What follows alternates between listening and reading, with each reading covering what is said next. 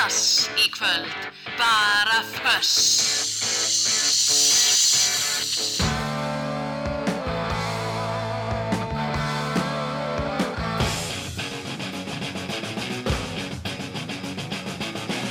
Þetta er föss. Það á að vera hátt.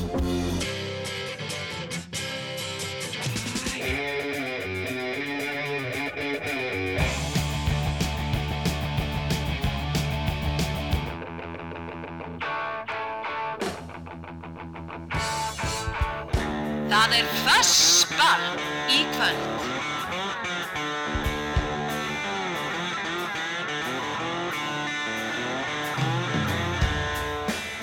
Já, komið sæl og verið velkomin í rockþáttin Föss á föstudagskveld kveldi. Við ætlum að byrja hér á því að hitta upp fyrir Veslarmanna helgina og það er engin Óli Palli að þessu sinni, hann er í sumafrí eins og fólk á að gera á sumrin og það er Hulda Geistóttir Njúmann sem leysir af að þessu sinni. En það sem meira er, ég er með gesta stjórnanda með mér í kvöld og þetta er hún.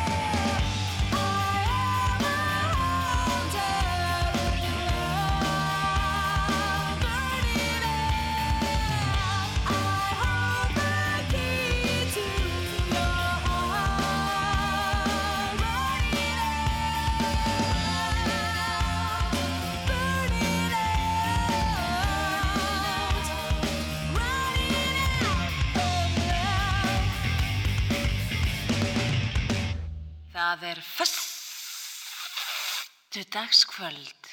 Já, og svolítið seppilinn hann í, í lokin á þessu lagi hann Það er aldrei nóg að seppelinni sko. Ah. En fyrir ykkur sem eru þarna út að hlusta á föss á föstaskvöldi hér á Rástvö þá er það Hulda Geistóndi Njúmann sem stýrir þættinum og það er litla sýsti mín, Elisa Geistóttir Njúmann, sem er gestastjórnandi. Þetta er engin klíka, þetta er ekkit vesen, engin hagsmun árastra vegna sem hún fær ekkit fyrir þetta. Ég ætla ekki að borga henni neitt. Er en við byrjuðum á því að spila lag með hljómsveit sem að uh, þú uh, já, stopnaðir og, og settir í gang og, og söngst í, það vita náttúrulega allir aðeir sem Kolrössu, en uh, þetta var Skandinavia. Já, þetta var svona, sagt, eh, bara kortir eftir að Kolrasa fór í, hérna, svona dvala, upprunalega. Mm Fyrsta dvalan. Fyrsta dvalan, að þá hérna langaði mig að gera eitthvað allt, allt öðruvísi. Og þá fór ég að læra óperusung í London og datt inn í svona Og Samt þessa plötu, Skandinavia plötu, sem sagt, þessi lög og stopnaði þessa hljómsveit með Claire Wakeman hann á gítar, Geðveik á gítar Já. og hérna Martin og, og fleiri og hérna og við gerum þessa plötu og gáum hann út í Bretlandi og túrum fengum svaka fína dóma í. Kerrang já. og eitthvað Þannig að það Þannig- er, það er, það er þungar okkar í þér. það er alveg rosalegur þungar okkar í mér og bara rockar, ég elska að syngja rock Já. það er bara ógeðslega gaman og þú veist, í kollusu líka, ég meina þú veist, maður alltaf bara beltaði það var ekkert eftir, það var bara garninar út sko það er ekkert skemmtilegra en það Já. Það lítur að vera mikil útrás í þessu. já, Ég fæði allavega útrás bara að syngja með svona músík, þannig að ég veit ekki hvernig það er að frumflytja. En uh, þetta var sérst fyrsta lægi okkar í föss í kvöld. Við sýsturnar ætlum að vera hérna saman og uh, það er eitt mál á dagskrá. Þátturum verður með óhefbundnu sniði, hann er nú vannalega svona í föstum skorðum hjá Óla með alls konar föstum liðum, en að því að það nú Vestlurmannahelgin er farin í gang og við erum bara svona í rockgýrnum, við erum bara í stuði við erum bara í stuði og við ætlum að einbytta okkur að því að spila kvennarokk. já, er ekki komin tími til þess? Jú, Ha? og það er uh, svo sem alveg gert tölvert af því hér á þessari stöð en já. við ætlum bara að leggja eða þáttin bara undir það að sína fram á það að konur geta rokkað og hafa spurning rokkað í gegnum tíðina eiginlega bara frá því að uh, rokkið fór á stað, við höfum dæmum það líka og munum kíkja á það á eftir og uh, við skulum bara vind okkur hérna strax í næsta lag Ú, spennt. hvað er næsta lag? Þetta er hljómsveit sem að, sko, svo er alltaf þessar skilgreiningar með rock, þú veist, hvað Mhm. er rock? Eh, Þú veist, það eru hljómsveitir sem geta fallið inn í ímsaflokka já, já, og er uh, ekki rock bara attitútið sko? ég held að held það sé svolítið mikið þannig. Og rocki eins og Óli Palli segir alltaf í þættinum að, að sagt, eh, þú veist, þú getur verið að spila Chuck Berry, það er rock, mm -hmm. getur líka verið að spila Oasis, það er rock, þú Mm. getur verið að spila Kiss, skiluru, Já. eða, eða Deep Purple, þetta er, þetta, þetta er allt rock. En Já. ég meina kannski disco og, og, og hérna elektrónik og eitthvað svona, það er kannski verður ekki mikið hjá okkur í kvöld. Nei, við erum ekki þeim gínum, við erum svolítið í fösspetalunum bara og bara mikið, mikið stuð Já. Mikið. En hér er hljómsveit sem að getur fallið inn í ymsa flokka, er íslensk og uh, við elskum öll, hefur gert það gott innanlands og utan undanfærin ár. Þetta er hljómsveitin of Monsters and Men og hér er rokkað í læginu Alligator.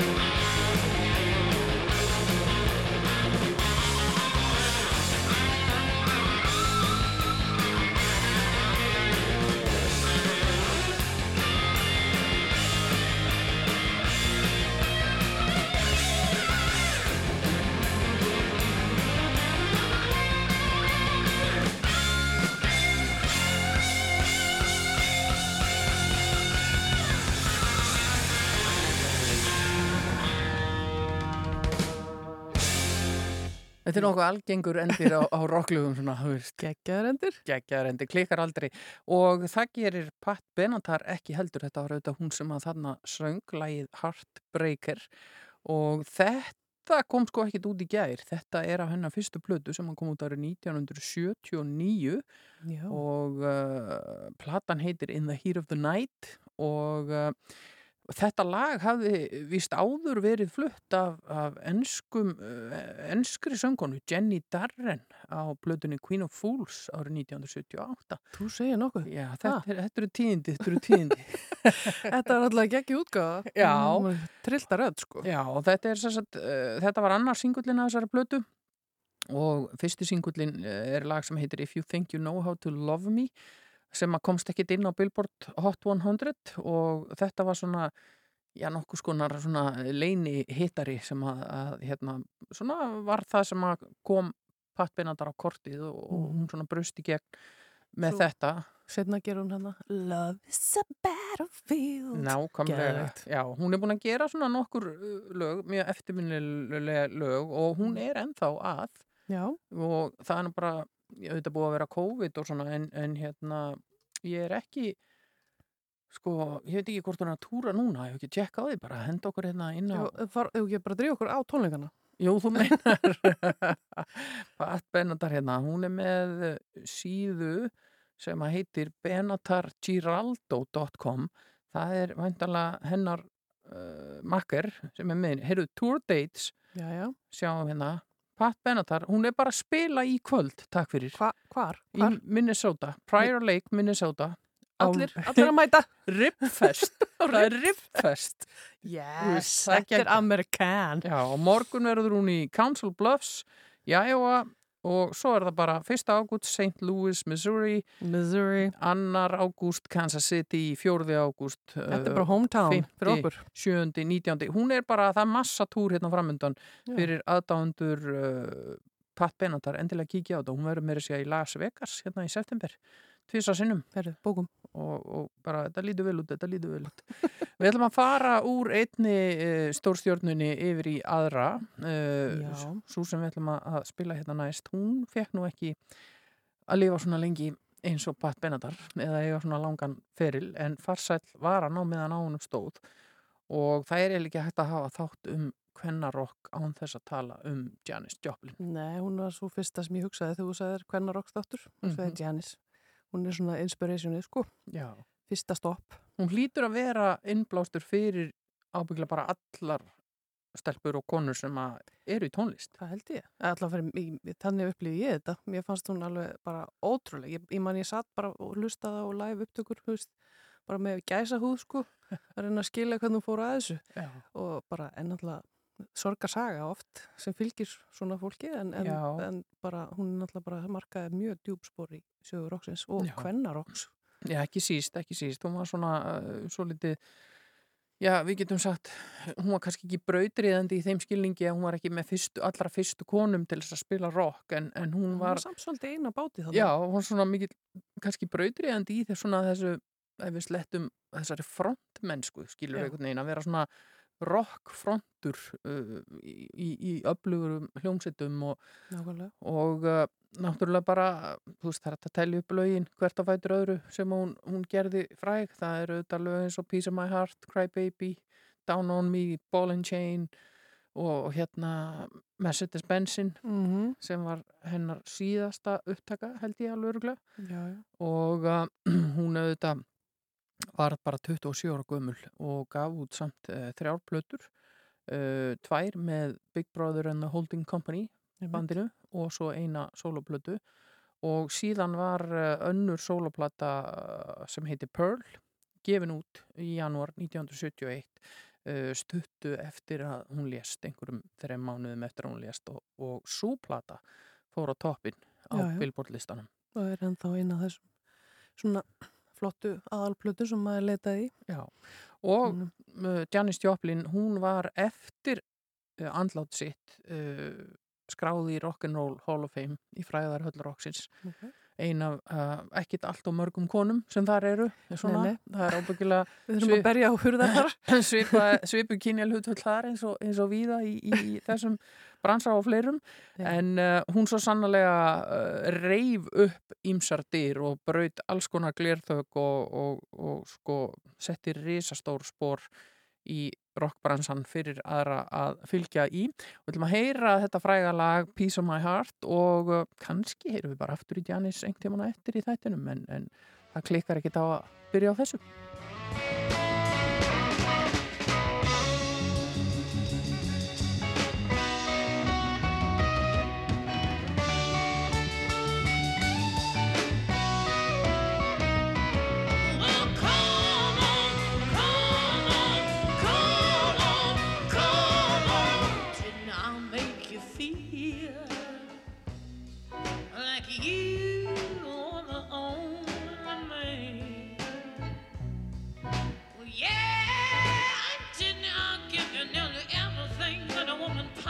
complicated.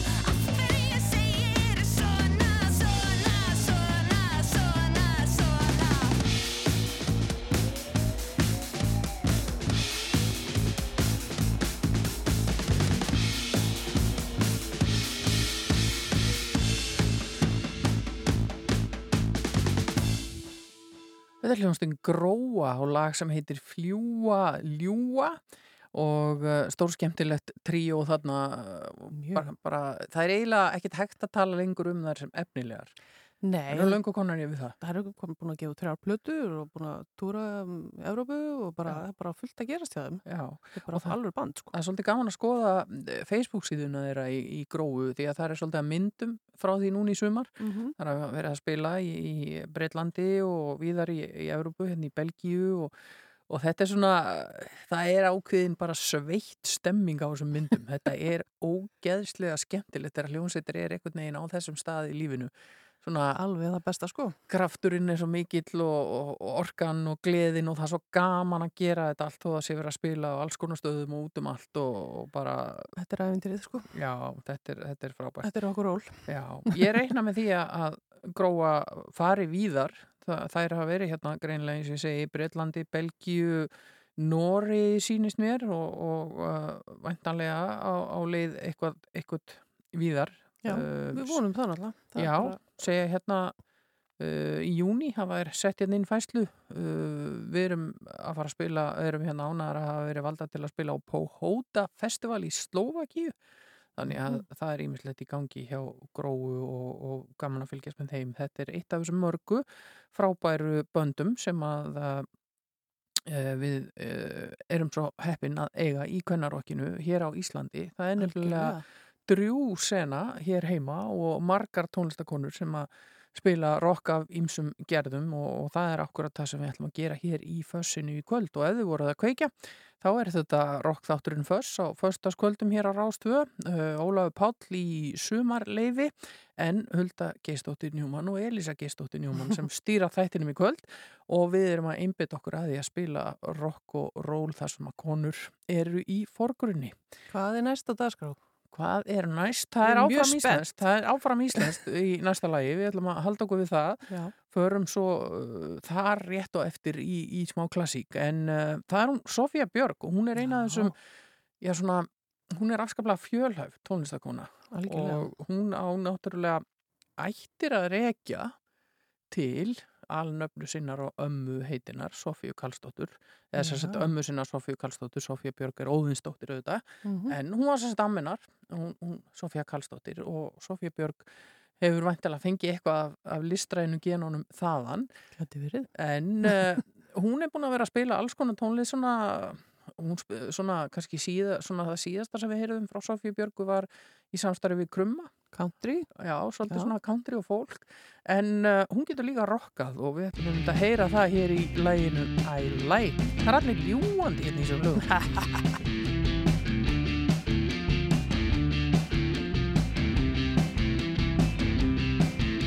You take too long to call on my bluff. You take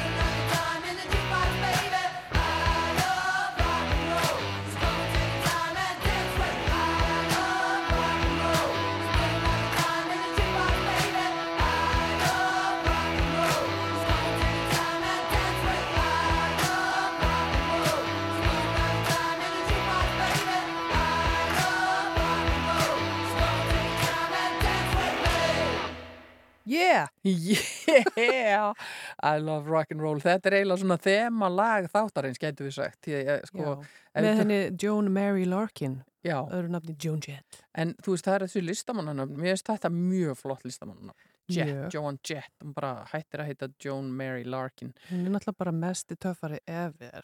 og hún er það ennþá, hún er Já. ennþá að gera uh, fullt af skemmtilegum hlutum, hún er mikill vinur Dave Grohl, uh, Já. Þorsprakka Foo Fighters hvernig sem fer nú með þá. Nei. Já, ég meina, hann er í huga mér öllum stundum þannig að Það kemur það málunum við.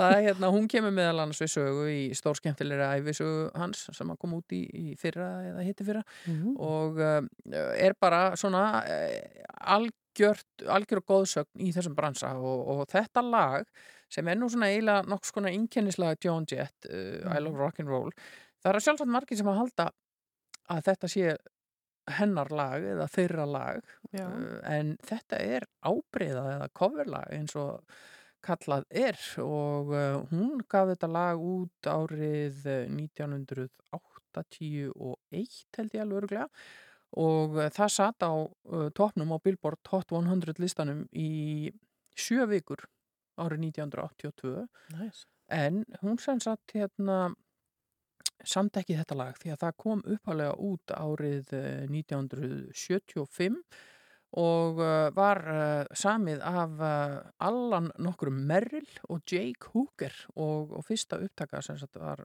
með Arrows sem var brest rockband Já.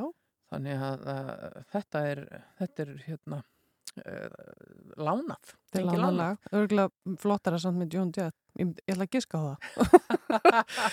við, erum að leita bara upp í hérna hvernig er Arrows útgáfan að I Love Rock'n'Roll En náttúrulega sko áður en hún var Joan Jett þá var hún náttúrulega í geðugri kvennaljónsut sem heitir The Runaways Já, og hérna sló í gegn með þeim náttúrulega upprunalega. Já. Hún var bara úlingur þegar hún byrjaði í þeirri hljónsut. já.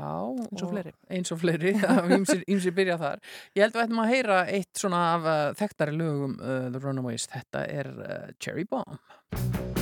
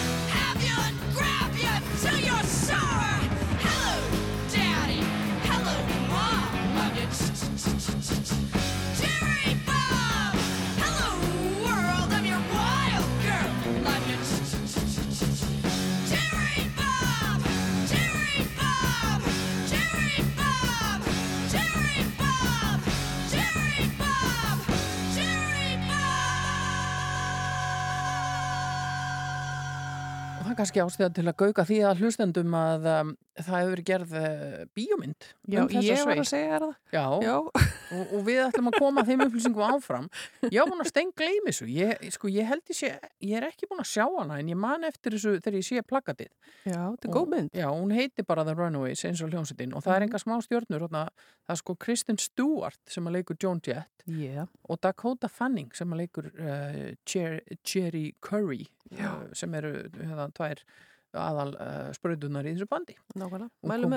Kom út árið eh, 2010 þessi mynd og, og hægt að finna hana uh, hér og þar og kannski eitthvað til að horfa á, ekki núna um helgina því að það ætlar enginn að vera að horfa á sjónvarpið. Nei. Það er lægi að vera hlusta það því að það getur verið eitthvað stærri sögumbústaðið og tjálstæðinu eða hvað sem er Mhm.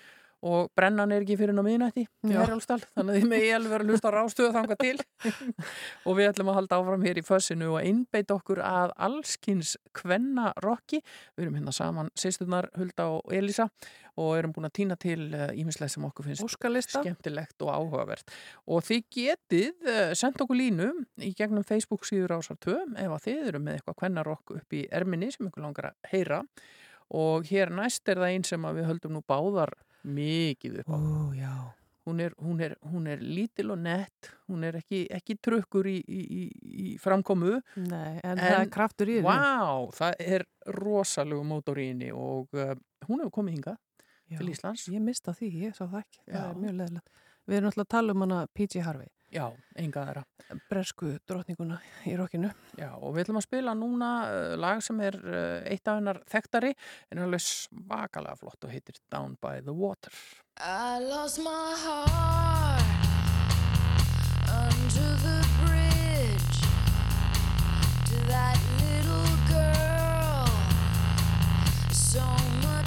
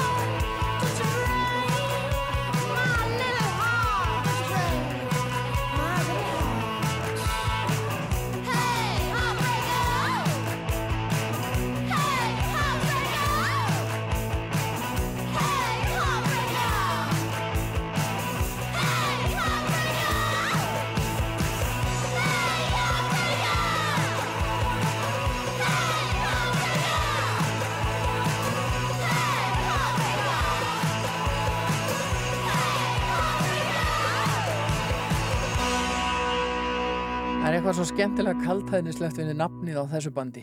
Nú, Dreamwife. Ég held að það erum við ekki allar dream wives? ég veit það ekki, en þetta er eitthvað svo ekki svona í takt við, við hérna, boðskapin, myndi ég halda. Kanski er þetta brandarinn. Já. það er nú oft svona brandarar í hvenna rokki sem bara fljúa yfir hausin á flestum köllum. en hérna, en, þetta er geggja band. Já, þú veist kannski eitthvað aðeins meira um það en ég. Það, þetta er svona, þó að þú sér kannski ekki mjög ung, er samt yngri en ég. Já, já. já, sko, ég, ég fylgi þeim á Instagram til dæmis og mér er mjög skemmtilegt að fylgjast með þeim.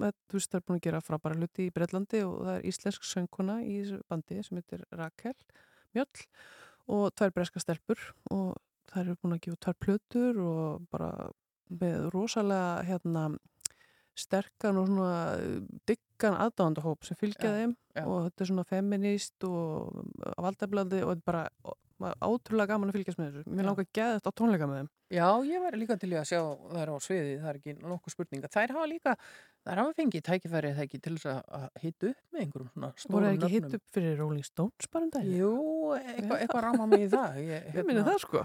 Eh, Svona eins og, eins og fólk gerir Já, bara, það er náttúrulega fleiri Kaljó náttúrulega búið að gera það, búinir að gera það líka og, og þannig að íslensk bönd eh, koma víða við og, og, og gaman að því. Þetta er virkilega spennandi eh, hljómsveit og gaman að fylgjast með henni. Mhm. En uh, hér næst, við höldum áfram að spila Kvennarokk hér í fössinu og hvetjum ykkur til að senda okkur línu í gegnum Facebook síður ásar 2 ef það er eitthvað sérstætt sem ykkur langar til Koma að heyra. Ef við, svo. Ef við eigum tök á því, þá reynum við að verða við því. En við ætlum að færa okkur sérstætt úr Hey Heartbreaker uh, læginu og þetta er svo ótrúlega takk í tengingina yfir hljómsveitina Hart. Ó, dutt, Vel gert. og uh, þar förum við svolítið lengra aftur í tíman og uh, þetta er hljómsveit sem er stopnuð árið 1967 hún er sko eldri en ég, þessi hljómsveit Já. og er eins og mörg góð rockbönd í gegnum tíðina frá Seattle í Washington Já, og er þetta ekki systur sem að Jú. stýra þessu bandi og, það semja lögin? þær eru þarna, Ann Wilson og Nancy Wilson og uh, ég hef oft uh, hugsað um þetta, Andri Freyr okkar gerði nú skemmtilega þætti, er búin að gera tvisasunum þætti núna sem heita Sískina bönd Mm -hmm. sem er svona um sískinni sem eru saman í hljómsveitum og ég veit ekki alveg hvernig ég er ekki sem að við hefum geta verið saman í hljómsveit Nei. ekki, ekki til lengri tíma allavega ég, finnst- ég dáist að fólki sem að nær þessu einhvern veginn að halda svona friðin í fjölskyldunni en vera Já. samt saman í Ég, svona- ég held að þetta takja á sko. Ég held að það sé ekki alltaf, alltaf hérna gaman sko. Nei, það fór illa Bara- fyrir, fyrir uh, Nigel og, og Liam Já, já. Eða þeir eru náttúrulega ennþá í ykkur um drama Noel og Liam, No- Nigel, ég var að Nigel. horfa hérna Sucks to be you, Nigel, hérna á skjánum Já, já, sko. já, Já, já, þeir er eru ennþá í smá drama. Þeir, þeir fáum fullt aðtegli út á það. þannig Já, já, það En, og hérna, svo voru Kings bræður líka, þeir voru nú eitthvað að rífast líka alltaf. er, já Og svona ýmislegt, en, en jú, þær eru, eru þær ekki bara vingunur? Hart systur? Jú, það er allavega búin að vinna saman í öll þessi ár og, og hljómsveitin, hún sagt, hefur starfað frá, hún byrjar hérna 67 til 98, tekur þá fjárara pásu, tekur aftur upp þráðinn 2002 og starfar þá til 2016, tekur þá aftur pásu í þrjú ár og hefur starfað frá 2019, svona, ég menna það er náttúrulega svo sem ekki mi- mikið búið að vera að gerast í í lífinu frá hérna 2020 en, en nú er alltaf að fara af stað aftur og, og Hart, hljómsundin þeirra, hefur selt yfir 35 miljón plötur og þar af 22,5 miljón cirka í bandaríkjónum, segir internetið Já. og hafa komið 10 plötum á uh, Billboard uh, Top 200 listan. Og það semja öll lögin sín sjálfar. Já, Thank you very much. Það bara er bara listamenn snillíkar.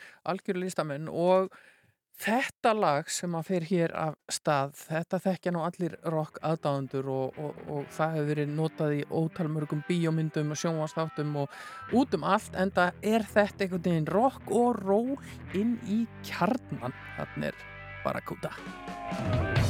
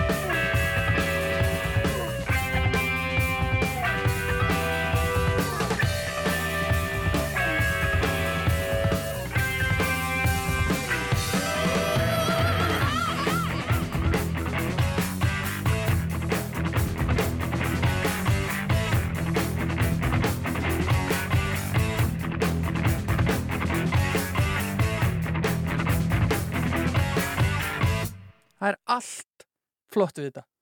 Það er allt flott við þetta. Þetta er alveg fáránlega gott lag og þó ég sé búin að hlusta á þetta miljón skriljón sinnum þá er þetta aldrei þreytt. Þetta var Nei. þetta hljómsveitin Hart, systra bandið Hart með uh, lagið um uh, Barracuda og, um, og um, við höldum áfram hér í fössinu og það er gaman að heyra hér frá hlustendum á Facebook síður ásar 2 þið eru að senda okkur skilabóð og, og við erum að, að fylgjast með því hvað þið viljið heyra og uh, hamra hér áfram á kvenna rockinu Mhm. og uh, við ætlum að fara hér næst í hljómsveit sem sögð er uh, skipuð uh, söngvara og öskrara Yeah. Já, og Það er öflug, öflug uh, stúlka í frontinum, Silja Rún Högnadóttir.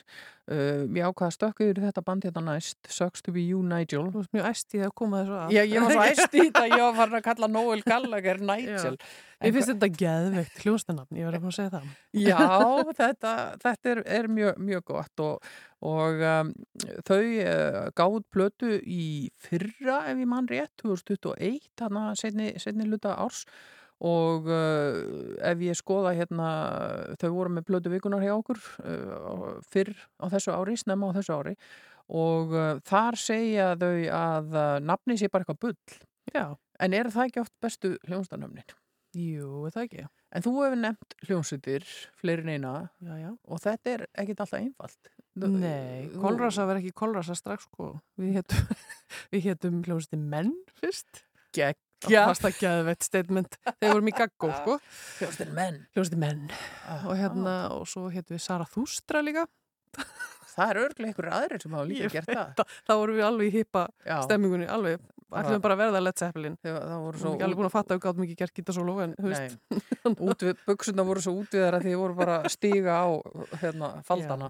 Og svo kom Kolrössu nafni sem hérna, kom í raun þessi hugmynd frá sýsterina Bíbi hérna, Þóru Kristínu. Já, hún bent okkur á þetta nafn úr einhverju þjóðsögum. Þetta náttúrulega bara kveiknaði eitthvað pera fyrir auðvun mér, ég sagði bara, já.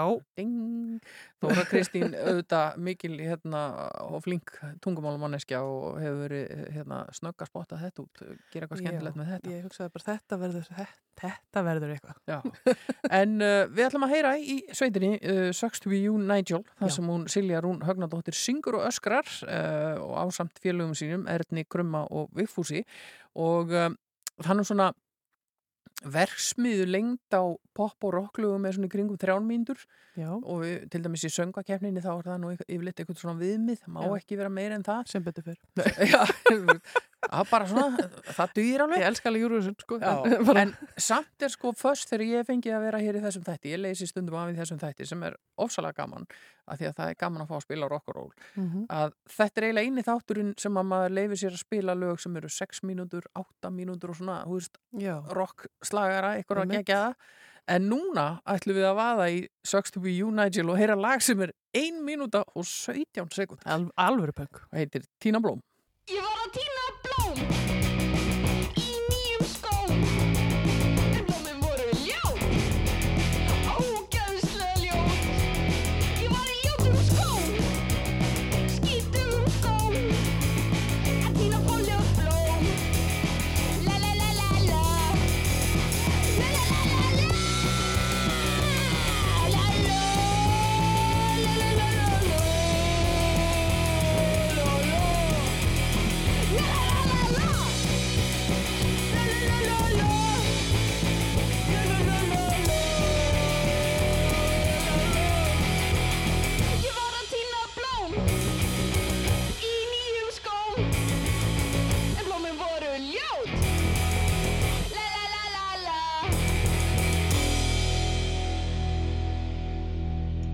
ég, klassik Þetta þarf ekki alltaf að vera flókið, ég elska svona, þetta er bara punk rock eins og það gerist best. mér langar bara inn í angrúsnaði núna Já, þá trillast ekstar hendum okkur hérna niður bara í stúdíu 12 hérna. já, tökum upp plötu Það er örglega að finna einhverja græður inn í húsinu, ég er alveg pott hérna að því.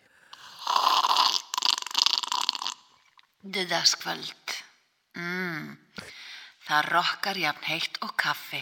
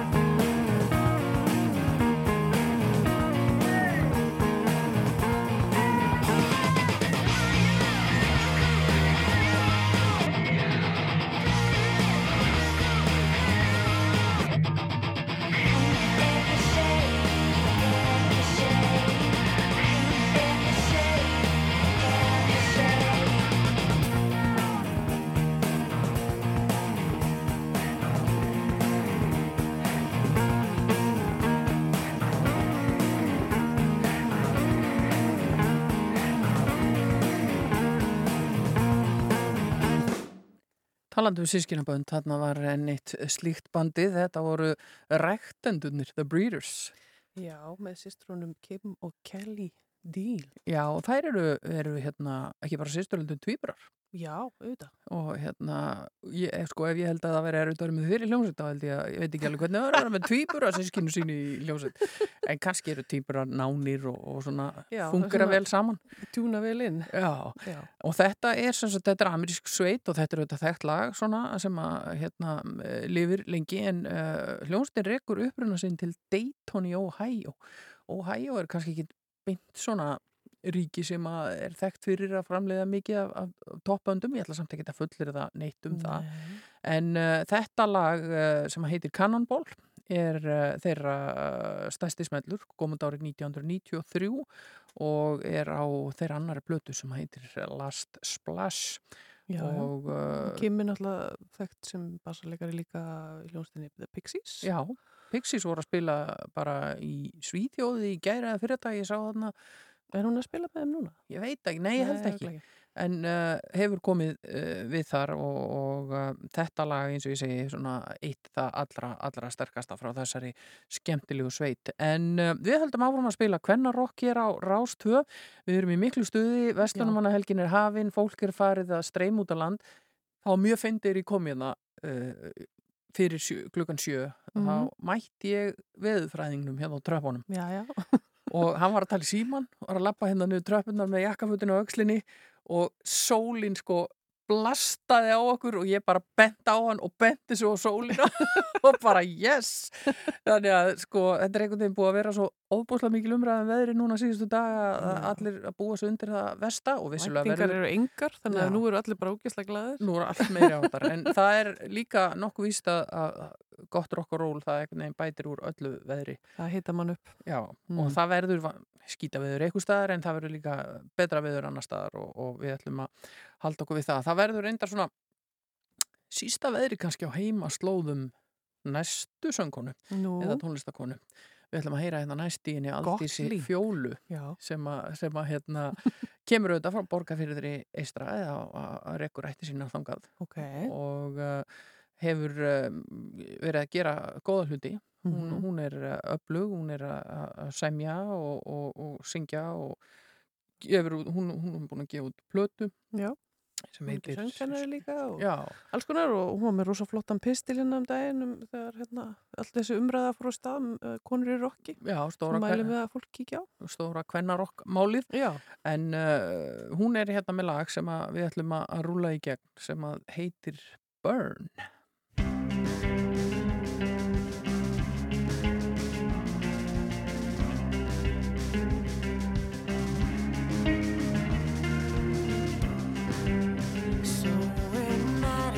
one.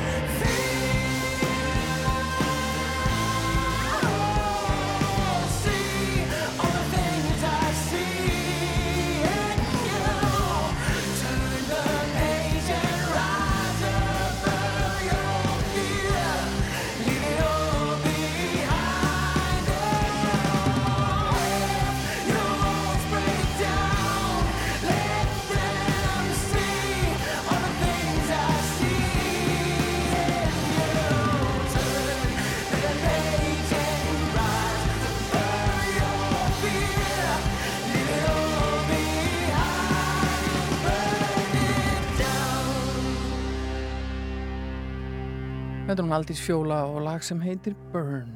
Föss er best. Ískalt.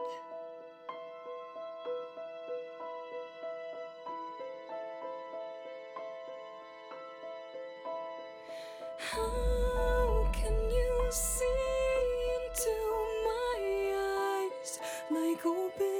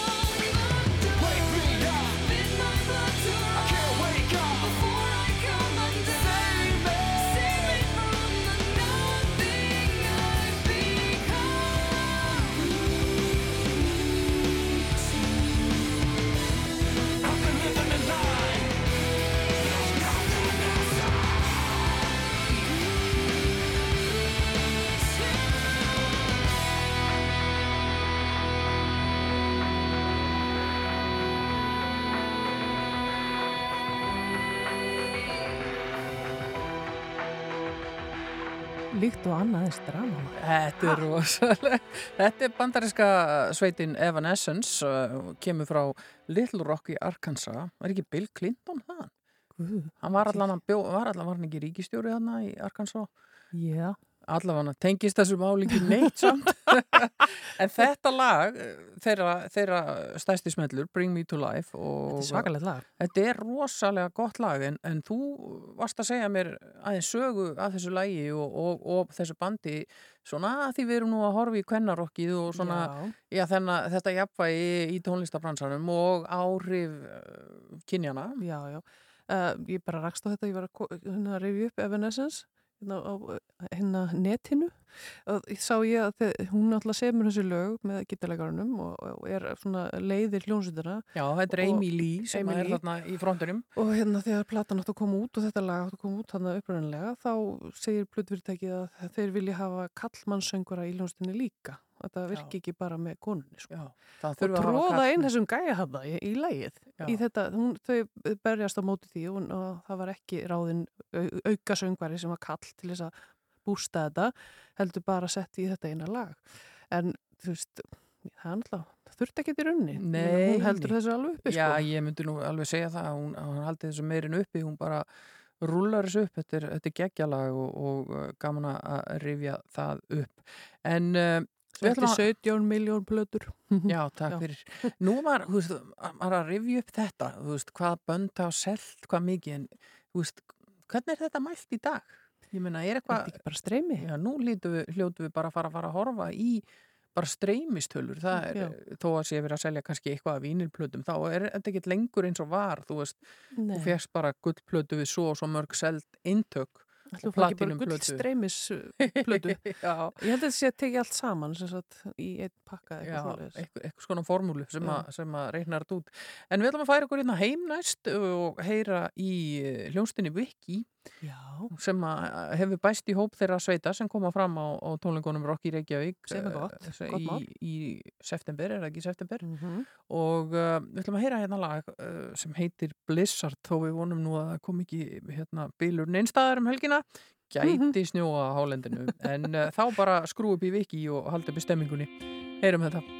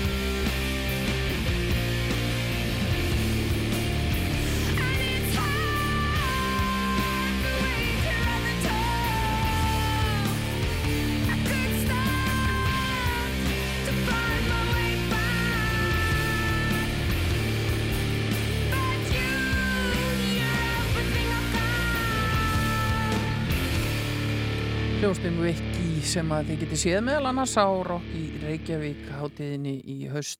ACDC. Hvernig það var það? Þess.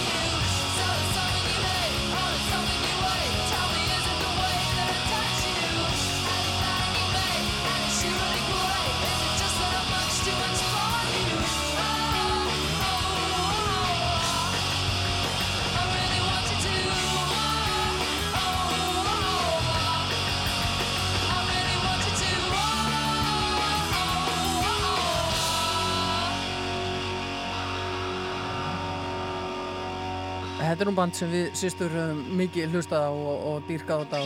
Ég, eh, hérna, gekk í elastika bólnum mínum svo mikið að stafinir bara molnuð af honum. Ég var búin að nota hann upp til agna.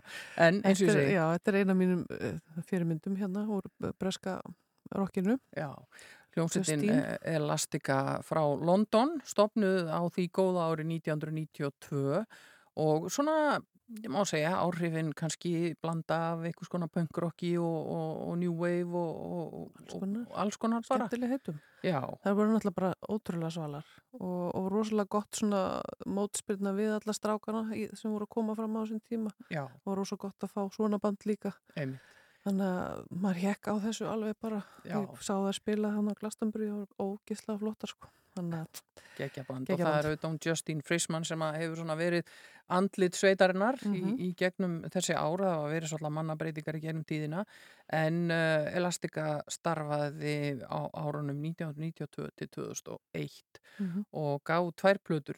Eiginlega hættu bara eiginlega svona fljótlega eftir að þau gáð senni plötuna. Já, það var eitthvað svona vesen. Það alltaf eitthvað vesen í Það svona er erfitt, erfitt að vera í hljómsveit. En við erum, erum búin að vera að tala um sískinni og sískinabönd og við ætlum einmitt að fara í enn eitt slíkt. Þetta virðist bara að vera mjög algengt að sískinni séu saman í hljómsveitum Mhm. skilum ekkert í okkur þremur hérna, uh, þú veist, nú bróður okkar trómuleikari Já, við höfum nú spilað stundu saman Já, já, ég, ég veit ekki okkur, ég hef ekki fengið að vera með þessu verkefnum Kannski er þetta verkefni næsta ás, sískin af aldrei vitað. Newman bandið. Já, hendum í, hendum í hérna, við verðum svona eins og Osmonds nema að vera The Newmans Yes, pappi er verður ekki þá að vera með líka vantarlega. pappa á gítarnum, þetta er steinlíkur, við erum alveg þarna og við höfum góða fyrirmyndir til dæmis í næsta bandi sem er íslenska sveitin Celebs sem er sískinaband að vestan og þau ætla að fyrir, fara með hér fyrir okkur lag sem heitir Rökkrið rænir æðruleysi. Eru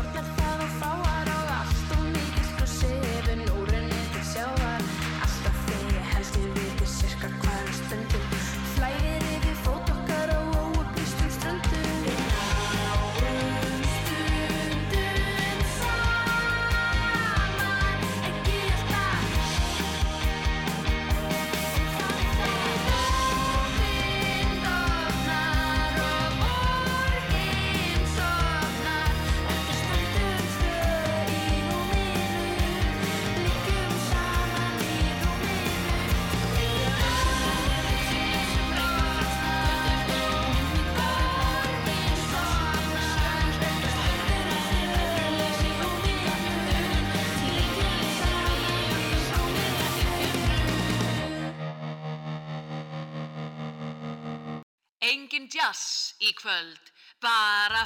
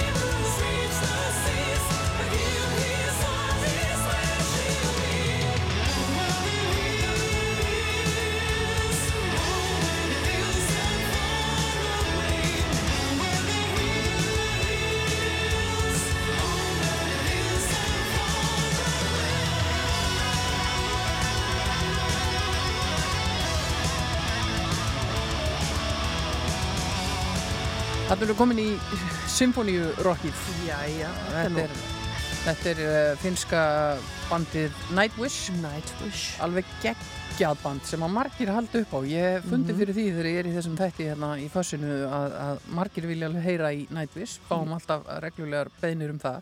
Algjörlega. Og um, þessi sveit, þetta er náttúrulega svona ákveðin stíl og, og, og það er svona nett skálmöld í spilinu þannig. Svona opera metall symfóníu döðarokk eitthvað. Já, já, já, Ekki kannski döðarokk, en- en svona góð blanda. Mhm. Og uh, Nightwish hefur svona eins og mörg bönd í gennum tíðina gengið gennum alls konar mannabreitingar og það hefur nú verið til dæmis með söngkonurnar.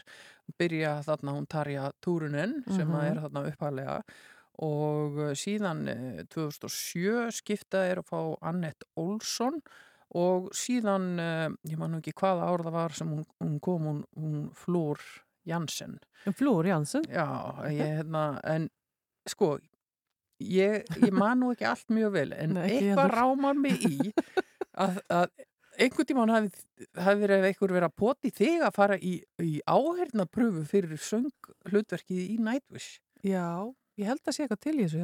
Já, Þú sagði þetta og ég bara, já. Þannig að þegar ég var í London eftir Kolrössu og var með, að gera Skandinavia og var að læra óperu, þá, einmitt, þá kom þetta til tals hjá einhverjum bransaköllum hana já, sem að ég ætti nú að fara í, þegar var að testa nýja söngkonur þegar hún fer út þarna fyrsta söngkonan. Og mér fannst þetta eitthvað dodgy, ég veit það ekki. Ég er náttúrulega svo ótrúlega treg sko, ég þarf alltaf að hafa allt ég ég vil ekki svíkja neitt og, og veist allt þetta. Já. en hérna, ég fannst, já, jú, ég minni það. Ég Já. minni að mér hafi búið að fara. Sérðu eftir þessu. Nei, sé ekki eftir neinu. Krakka mínir. Gott. en það hefur örgulega verið gaman að syngja með Nightwish Ekki spurning, kannski farið tækifæri til þess síðar. En uh, aftur uh, heim, Íslands tér næst, þetta eru dúkulísurnar sjálfar talandi um uh, já, sporgöngu konur og lag sem heitir Skýt með það. Hérna, Með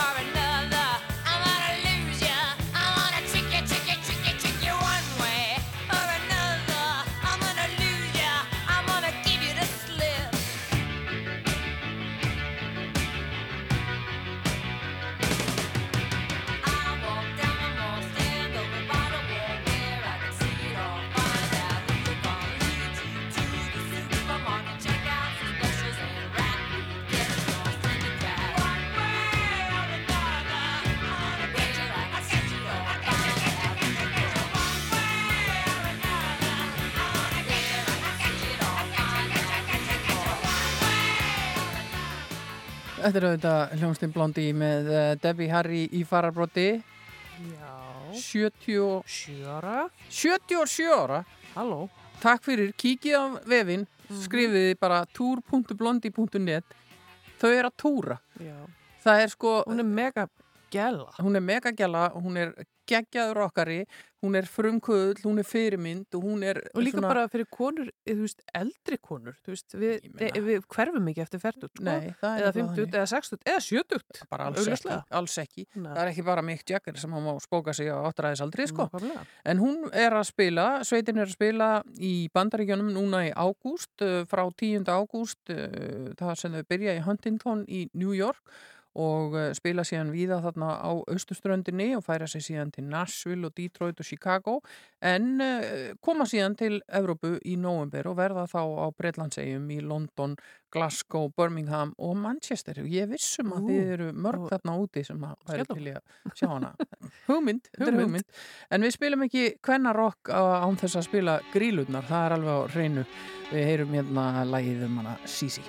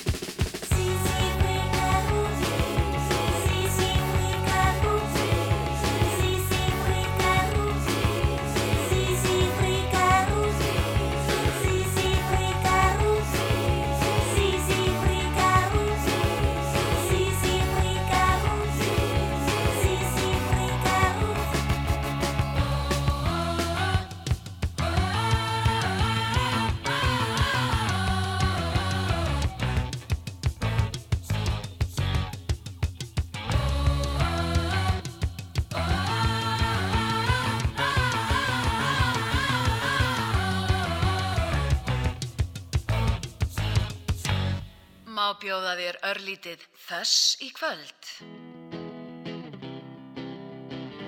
and the sky was made of amethyst. And all the stars were just like little fish. You should learn when to go. You should learn how to say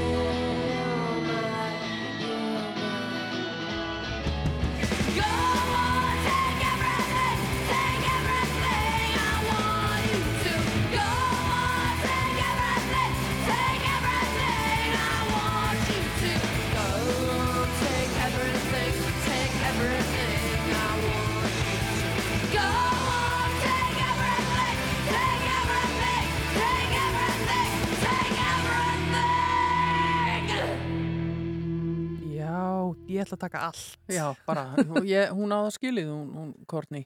Algjör snillingur. Hljómsveitin Hól þarna á uh, ferðinni með lag sem heitir Violet og þetta er svona eina af þessum konum sem að já, hafði gríðarlega áhrif á á mjög, mjög marga en, en uh, fekk svolítið að finna fyrir því í bransanum. Já, hún er náttúrulega ótrúlega töffari og hún var náttúrulega kona Kurt Cobain og þau koma hana fram sér svona power couple hana eh, í, í hérna Á sínum tíma. sínum tíma. Það eru bara Kortnung þá, ég meina hann Já. var ekki nema 27 ára þegar hann lést eins og fleiri rockarar. En þetta er náttúrulega bara þessi kona náttúrulega bara, ég veit ekki ég held hún hefur ekki feng, hún er ekki búin að fá sangjarna útreið í, í, hérna bransanum, myndi ég segja Nei. og hennar hérna innlegg er mun meira heldur en kannski fólk gerir sig grein fyrir Já. fyrir mig, ég ef hún hefði ekki verið þarna það er ekki víst að Kolrasa hafi verið eins og Kolrasa var Nei, veist, hún er svakalega fyrirmynd sko. hún er það ekki spurning og uh, ég varst ekki um að hún hafi líka haft eitthvað að segja uh, fyrir ljónsettina Mammut sem að er nú einn skemmtilegasta live sveit landsins. Hérna heyrum við lag sem heitir Svepp síkt.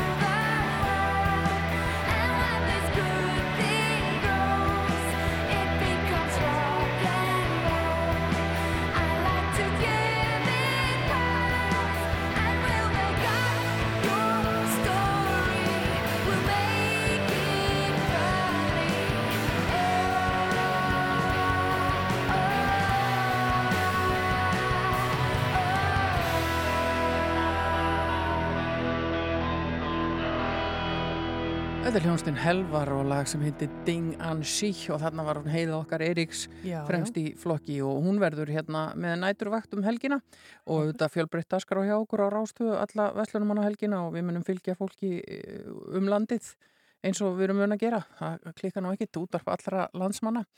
En, uh, Djók. en tíminn flýgur, ég bara, þú veist, við litum á klukkuna bara, öll "Ah, lögin, við erum við að gera?" ekki að spila lögin sem við ætlum að spila, en mér- dettur í huga kannski um helgina ef maður verður í róleitum að að, hérna hendi eitt góðan playlist á. Spotify. Þegar þú baðst mér um að fara að setja, saman svona lög, þetta var svo gaman, ég hef bara trillt, ég er búin að vera bara mörg kvöld, bara lusta stanslust á okkur kvennaljónstir út um bara allan heim. Já, þetta er bara búið að vera mjög gaman að- að undirbúa þennan þátt og við munum um, já, ég hugsa að ég hendi bara í eitt playlista sem að fólk getur kíkt á að því að það er ábyggla margt sem að uh, kveiki líka áhuga og þá Mhm. getur maður svona stúdira aðeins meira uh, ákveðna hljómsveitir en við ætlum að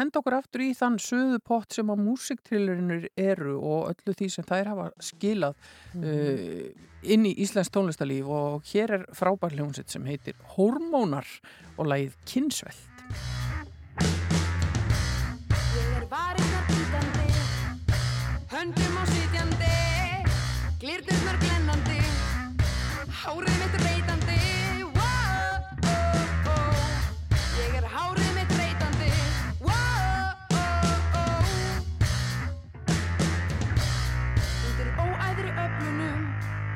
taka við taumunum.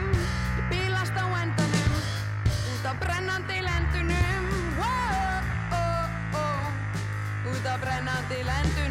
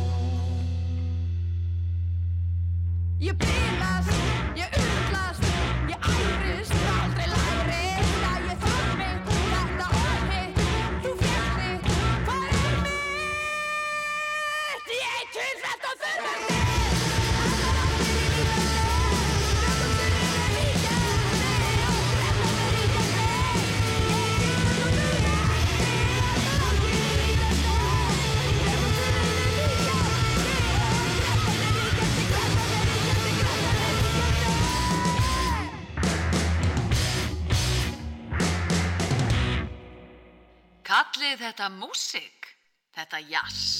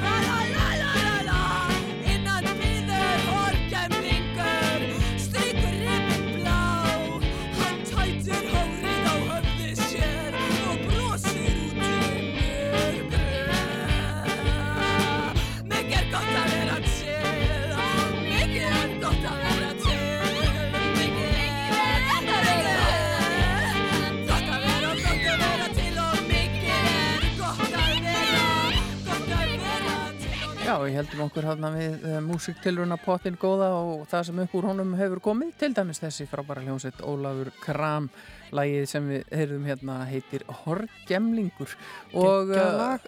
geggja lag. Tíminn hins vegar flýgur, við erum alveg Já. brjálar við erum að spá í að setja hérna fatahengi fyrir dittnar, hann að Kalli komist ekki inn hérna með þáttinn sinn eftir klukkan tíu að því við gætum verið að spila kvennarokk fram á morgun. En uh, næst ætlum við hins vegar að heyra í hljómsdeinni Kælunni miklu. Já, þetta er nefnilega alveg ótrúlega flott band sem er að gera góða hluti erlendis og hefa verið að starfandi núna hvað, tíu ár næstu? Já. Eða, já, nýju ár. Hún gefið þrjár fyrir plötur og bara hitaði fyrir kjúr og bara placebo og alls konar geggja dót sko. Já, þetta, þetta hérna- er spennandi Þetta er eina af okkar svona stjörnum. S- eh, Já. já. Þetta eru sólstöður Yes. Sólstöðum í svarsnæð Til tunglið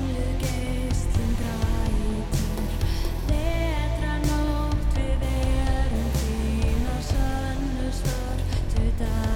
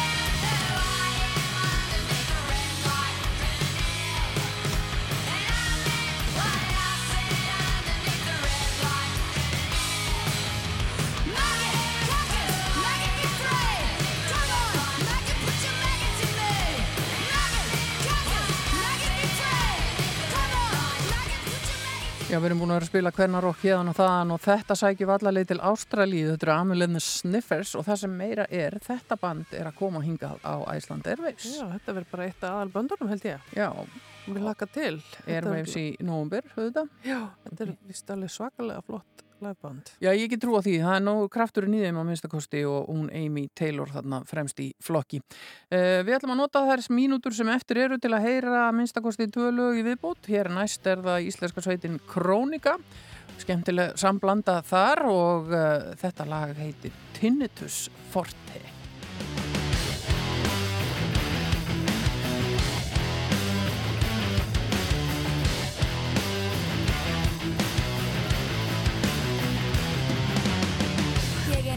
Er nornin sem brenni brýra báli. Prakkast um á píkunni, splittar ekki káli. Því ég fíl þetta frelsi og nýta sér drast. Bakka bræðra veldi ekkert helvítis kass. Excuse me, neinn er það fær ennan pung. Því mín lífs er staðið stærn en þú.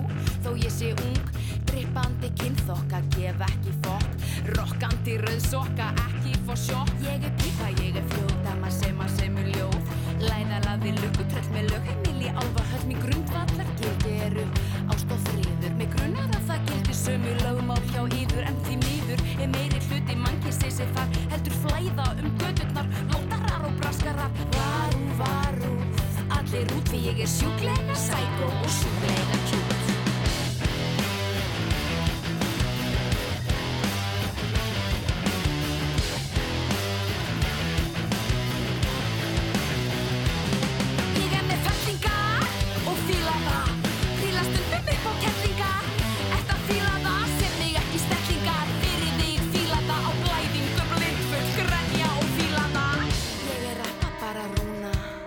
Kott á trún og við þrúna.